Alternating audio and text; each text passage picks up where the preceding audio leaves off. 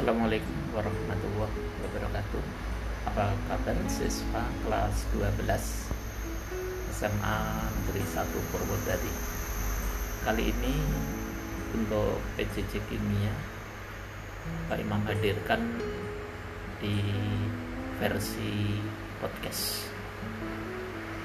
Biasanya Pak Imam menyampaikan pembelajaran jarak jauh kimia ini menggunakan WhatsApp, Team, Microsoft Office maupun Google Classroom. Yang terakhir kali ini mencoba eh, kami menggunakan media dengan podcast dengan harapan eh, media ini lebih lebih fleksibel karena bersifat eh, seperti berita atau storytelling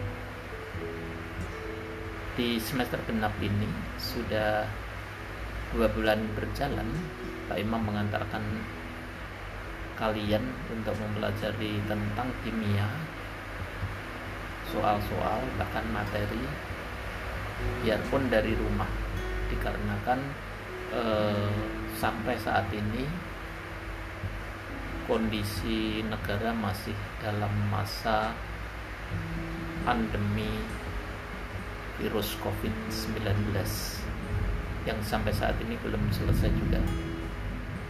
Nah, terkait dengan itu untuk menuntut ilmu di tingkat SMA khususnya mata pelajaran kimia, Pak Imam eh, tetap melanjutkan rutinitas pertemuan kalian, transfer ilmu pada kalian di kala pagi hari maupun siang, bahkan kadang malam hari dengan media apa pun yang bisa kita pakai. Untuk mendekati tryout pada tanggal 1 Maret tentu saja kalian uh, mulai membutuhkan lebih tentang bagaimana itu memahami suatu materi pelajaran kimia yang bisa dikatakan uh, pelajaran yang sulit di tingkat SMA kali ini. Apalagi melalui rumah. Harapannya agar bisa lebih maksimal dalam pemahaman konsep-konsep yang kalian pelajari di kelas 12 kali ini. Yang perlu dipersiapkan dalam menghadapi tryout nanti adalah bisa diperhatikan ya karena ini merupakan uh, hal yang penting untuk keberhasilan untuk mendapatkan nilai yang bagus tentu saja. Semacam rambu-rambu. Yang harus kalian pelajari adalah tentang penggolongan karbohidrat apa saja yang termasuk di dalam karbohidrat. Sekilas karbohidrat itu ada tiga kelompok monosakarida, disakarida, dan polisakarida. Dan masing-masing kelompok itu juga terbagi-bagi lagi. Berikutnya kalian harus bisa mengidentifikasi trayek pH menggunakan indikator asam basa. Nah, di sini indikator asam basa itu ada indikator phenolphthalein, ada indikator bromtimol biru, ada indikator metil merah, ada indikator metil jingga dan sebagainya. Masing-masing ini memiliki trayek pH. Nah, Artinya dari trayek pH ini kalian nanti bisa menentukan jika suatu soal uh, memiliki harga pH pada indikator-indikator tertentu itu nanti bisa disimpulkan. Kira-kira larutan tersebut memiliki trayek kisaran berapa? Berikutnya kalian bisa menentukan pasangan isomer gugus fungsi pada senyawa karbon. Senyawa karbon awal yang di kelas 12 kita pelajari itu ada alkohol, ada aldehid, ada keton, ada kasam karboksilat, ada ester, ada ether. Nah, ini masing-masing memiliki pasangan satu dengan yang lainnya. Nah, dari pasangan itu tentu saja dia memiliki rumus molekul yang sama. Dari rumus molekul yang sama kalau namanya isomer fungsional maka dia memiliki gugus fungsi yang berbeda. Kalian bisa cari pasangannya apa dengan apa. Berikutnya tentang sifat fisik suatu garam yang mengandung ion alkali ataupun alkali tanah. Tentu saja masih ingat bahwa unsur-unsur golongan alkali itu di antaranya ada Li, ada Na, ada K dan seterusnya ke bawah. Kemudian golongan alkali tanah ada Be ada magnesium dan seterusnya. Dan ini masing-masing memiliki sifat yang khusus mungkin sifat kekerasan mungkin sifat warna ya kemudian sifat-sifat yang lain e, titik didihnya dan sebagainya bisa kalian pelajari di situ selanjutnya tentang memberi nama derivat dari bensena. Apa itu derivat? Derivat itu adalah turunan dari bensena. Bensena masih ingat yang memiliki struktur bentuk segi 6 atau rumus molekulnya adalah C6H6 ini e, memiliki turunan-turunannya ketika bensena itu mengalami substitusi. Artinya, salah satu atom H dari bensina itu digantikan oleh atom lain, maka akan membentuk yang namanya turunan. Ada yang dinamakan dengan fenol. Artinya bensina berikatan dengan OH. Ada yang dinamakan anilin, bensina yang berikatan dengan NH2 dan seterusnya dan masih banyak yang lain. Berikutnya kalian bisa menentukan potensial sel. Potensial sel volta. Nah, potensial sel volta ini bisa dihitung dengan rumusan selisih reaksi reduksi dengan oksidasinya. Dengan catatan dengan cara bahwa harga potensial yang lebih besar itu dijadikan sebagai reduksi dan yang lebih kecil jadikan sebagai oksidasi. Itu nanti yang akan memberikan harga potensial sel berharga positif. Artinya, kalau potensial sel volta itu berharga positif, maka reaksi itu bisa berlangsung di dalam sel volta itu. Berikutnya ada bagaimana kalian bisa mengidentifikasi perkaratan biasanya perkaratan sehari-hari dalam hal ini adalah perkaratan besi bagaimana cara mengantisipasi agar besi itu tidak cepat berkarat bagaimana cara menanggulangi besi tidak mudah berkarat? Itu ada aturan-aturan atau cara-caranya. Sebaliknya, besi itu mudah berkarat ketika dimasukkan atau terpengaruh oleh faktor-faktor lain. Mungkin terpengaruh oleh garam, mungkin terpengaruh oleh asam, mungkin terpengaruh oleh kelembapan dan sebagainya. Berikutnya, bagaimana cara menyetarakan persamaan reaksi redox? Nah, ini yang butuh langkah-langkahnya dalam penyetaraan persamaan reaksi redox kan ada dua dulu satu bisa menggunakan cara bilangan oksidasi. Yang kedua bisa menggunakan cara setengah reaksi atau ion elektron. Keduanya itu sama ya. Keduanya sama semuanya bisa menentukan harga eh, setaranya dari masing-masing unsur di dalam persamaan redox tersebut. Bisa dipelajari lagi. Kemudian bagaimana cara menganalisis harga sifat koligatif suatu larutan elektrolit maupun non elektrolit harga sifat koligatif itu ada empat.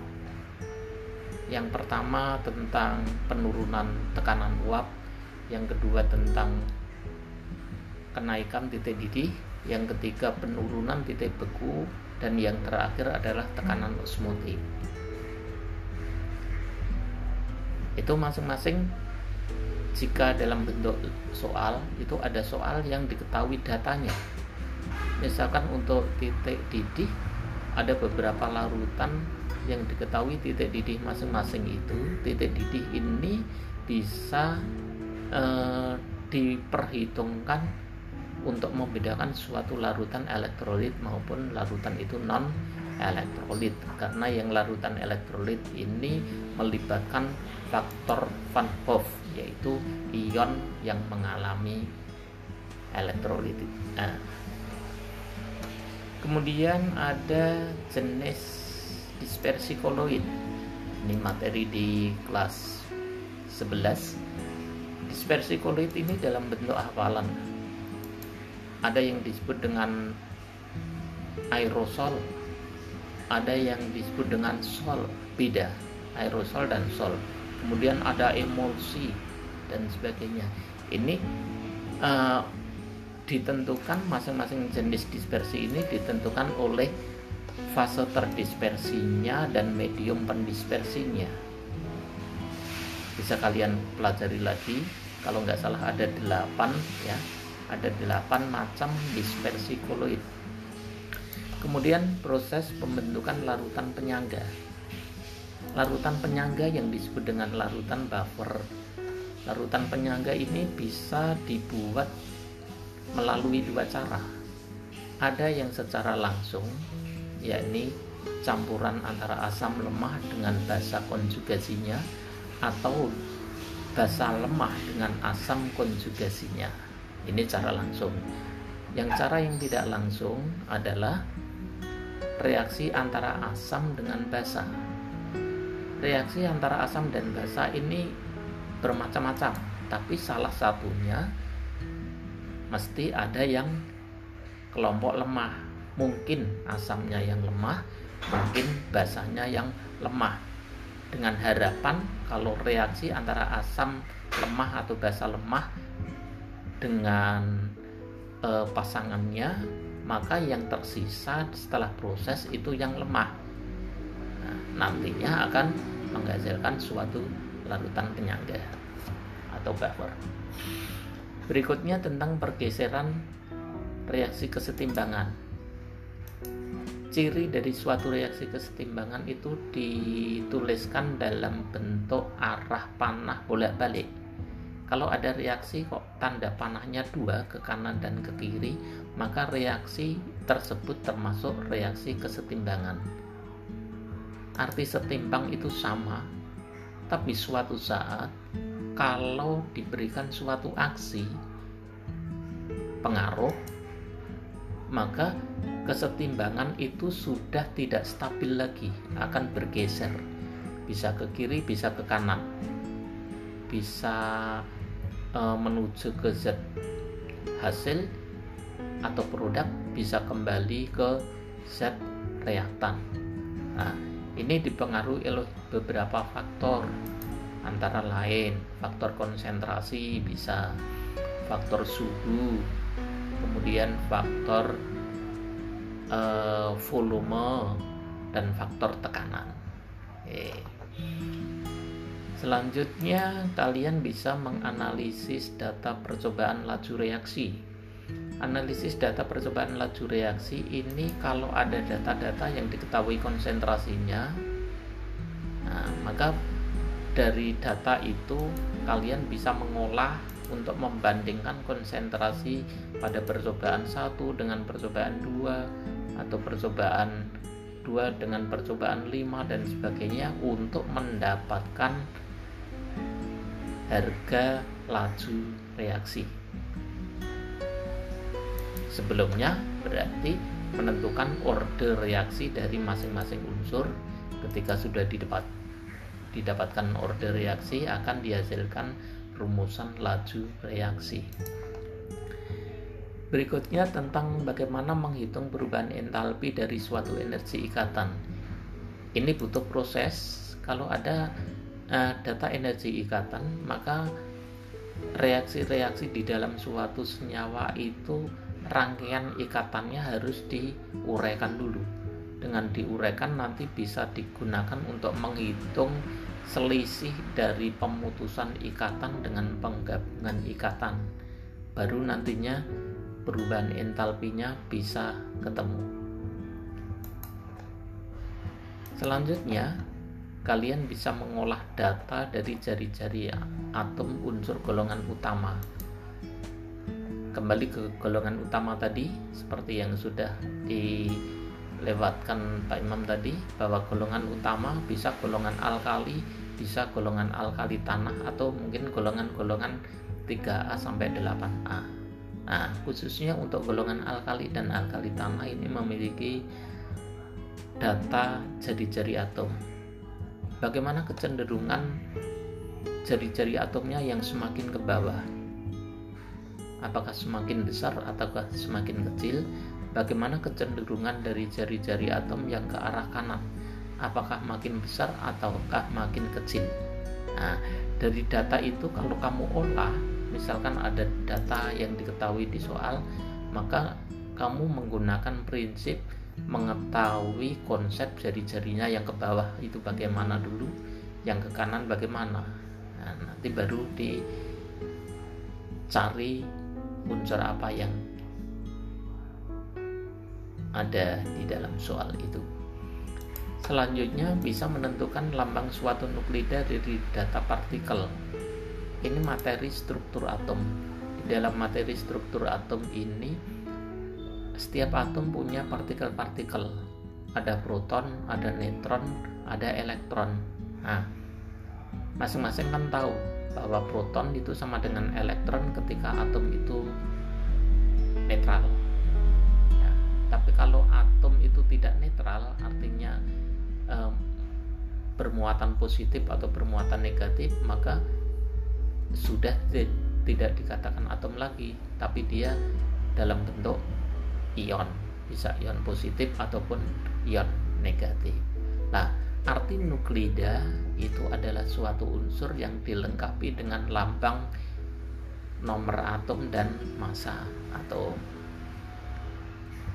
Berikutnya tentang bagaimana cara menganalisis sampel larutan dari data pH.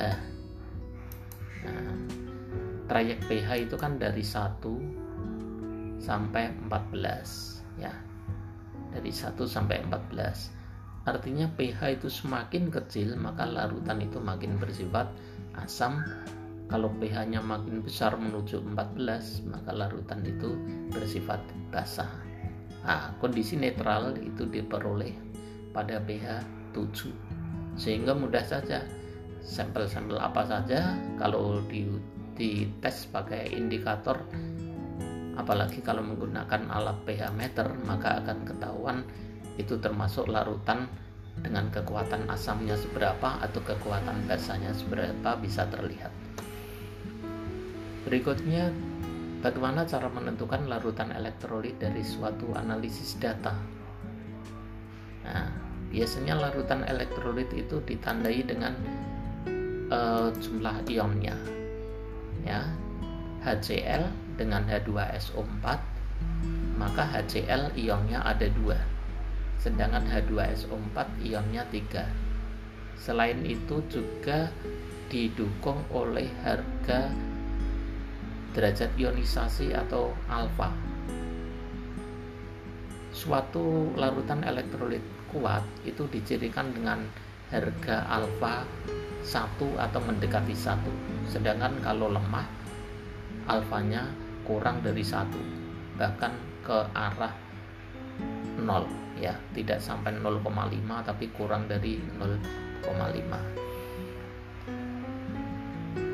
selanjutnya eh, stoichiometry untuk penghitungan massa zat dari suatu reaksi.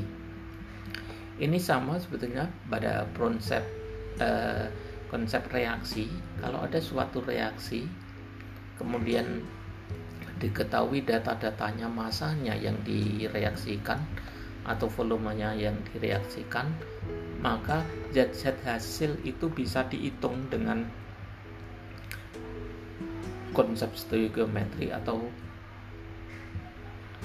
mol perubahan mol ke massa dan sebagainya mol ke volume ya. Itu itu. Dan yang terakhir bagaimana cara menggambarkan struktur Lewis dari suatu senyawa struktur Lewis itu sebetulnya cirinya apa? Titik-titik elektron yang mengelilingi di suatu atom yaitu yang berkaitan dengan ikatan kimia. Ya ikatan kimia. Jadi bisa uh, bagaimana atom N itu jika elektronnya sebanyak 5 maka 5 elektron digambarkan mengelilingi atom N. Nah itulah yang dinamakan struktur Lewis. Tapi kalau dalam senyawa ada empat buah atom misalkan. Bagaimana empat buah atom itu saling terikat satu dengan yang lainnya? Tentu saja Lewisnya juga digambarkan. Nah, nantinya akan didapatkan juga ada yang pasangannya berasal dari kedua belah pihak yang menyebabkan itu ikatannya ikatan kovalen. Ada yang pasangan elektronnya berasal dari salah satu atom saja yang nantinya akan didapatkan ikatan kovalen koordinasi. Oke itu eh, antara lain kisaran dari materi. Selalu kalian buka podcast ini diputar dan diputar lagi untuk dipahami dan sambil dipelajari cari-cari literatur materi di mana pun di browsing juga banyak Oke, terima kasih. Selamat belajar. Semoga sukses kalian kelas 12 dalam menghadapi tryout tanggal 1 Maret. Semoga nilainya baik semuanya dan mendapatkan ilmu yang bermanfaat dari pelajaran kimia. Sekian, wassalamualaikum warahmatullahi wabarakatuh.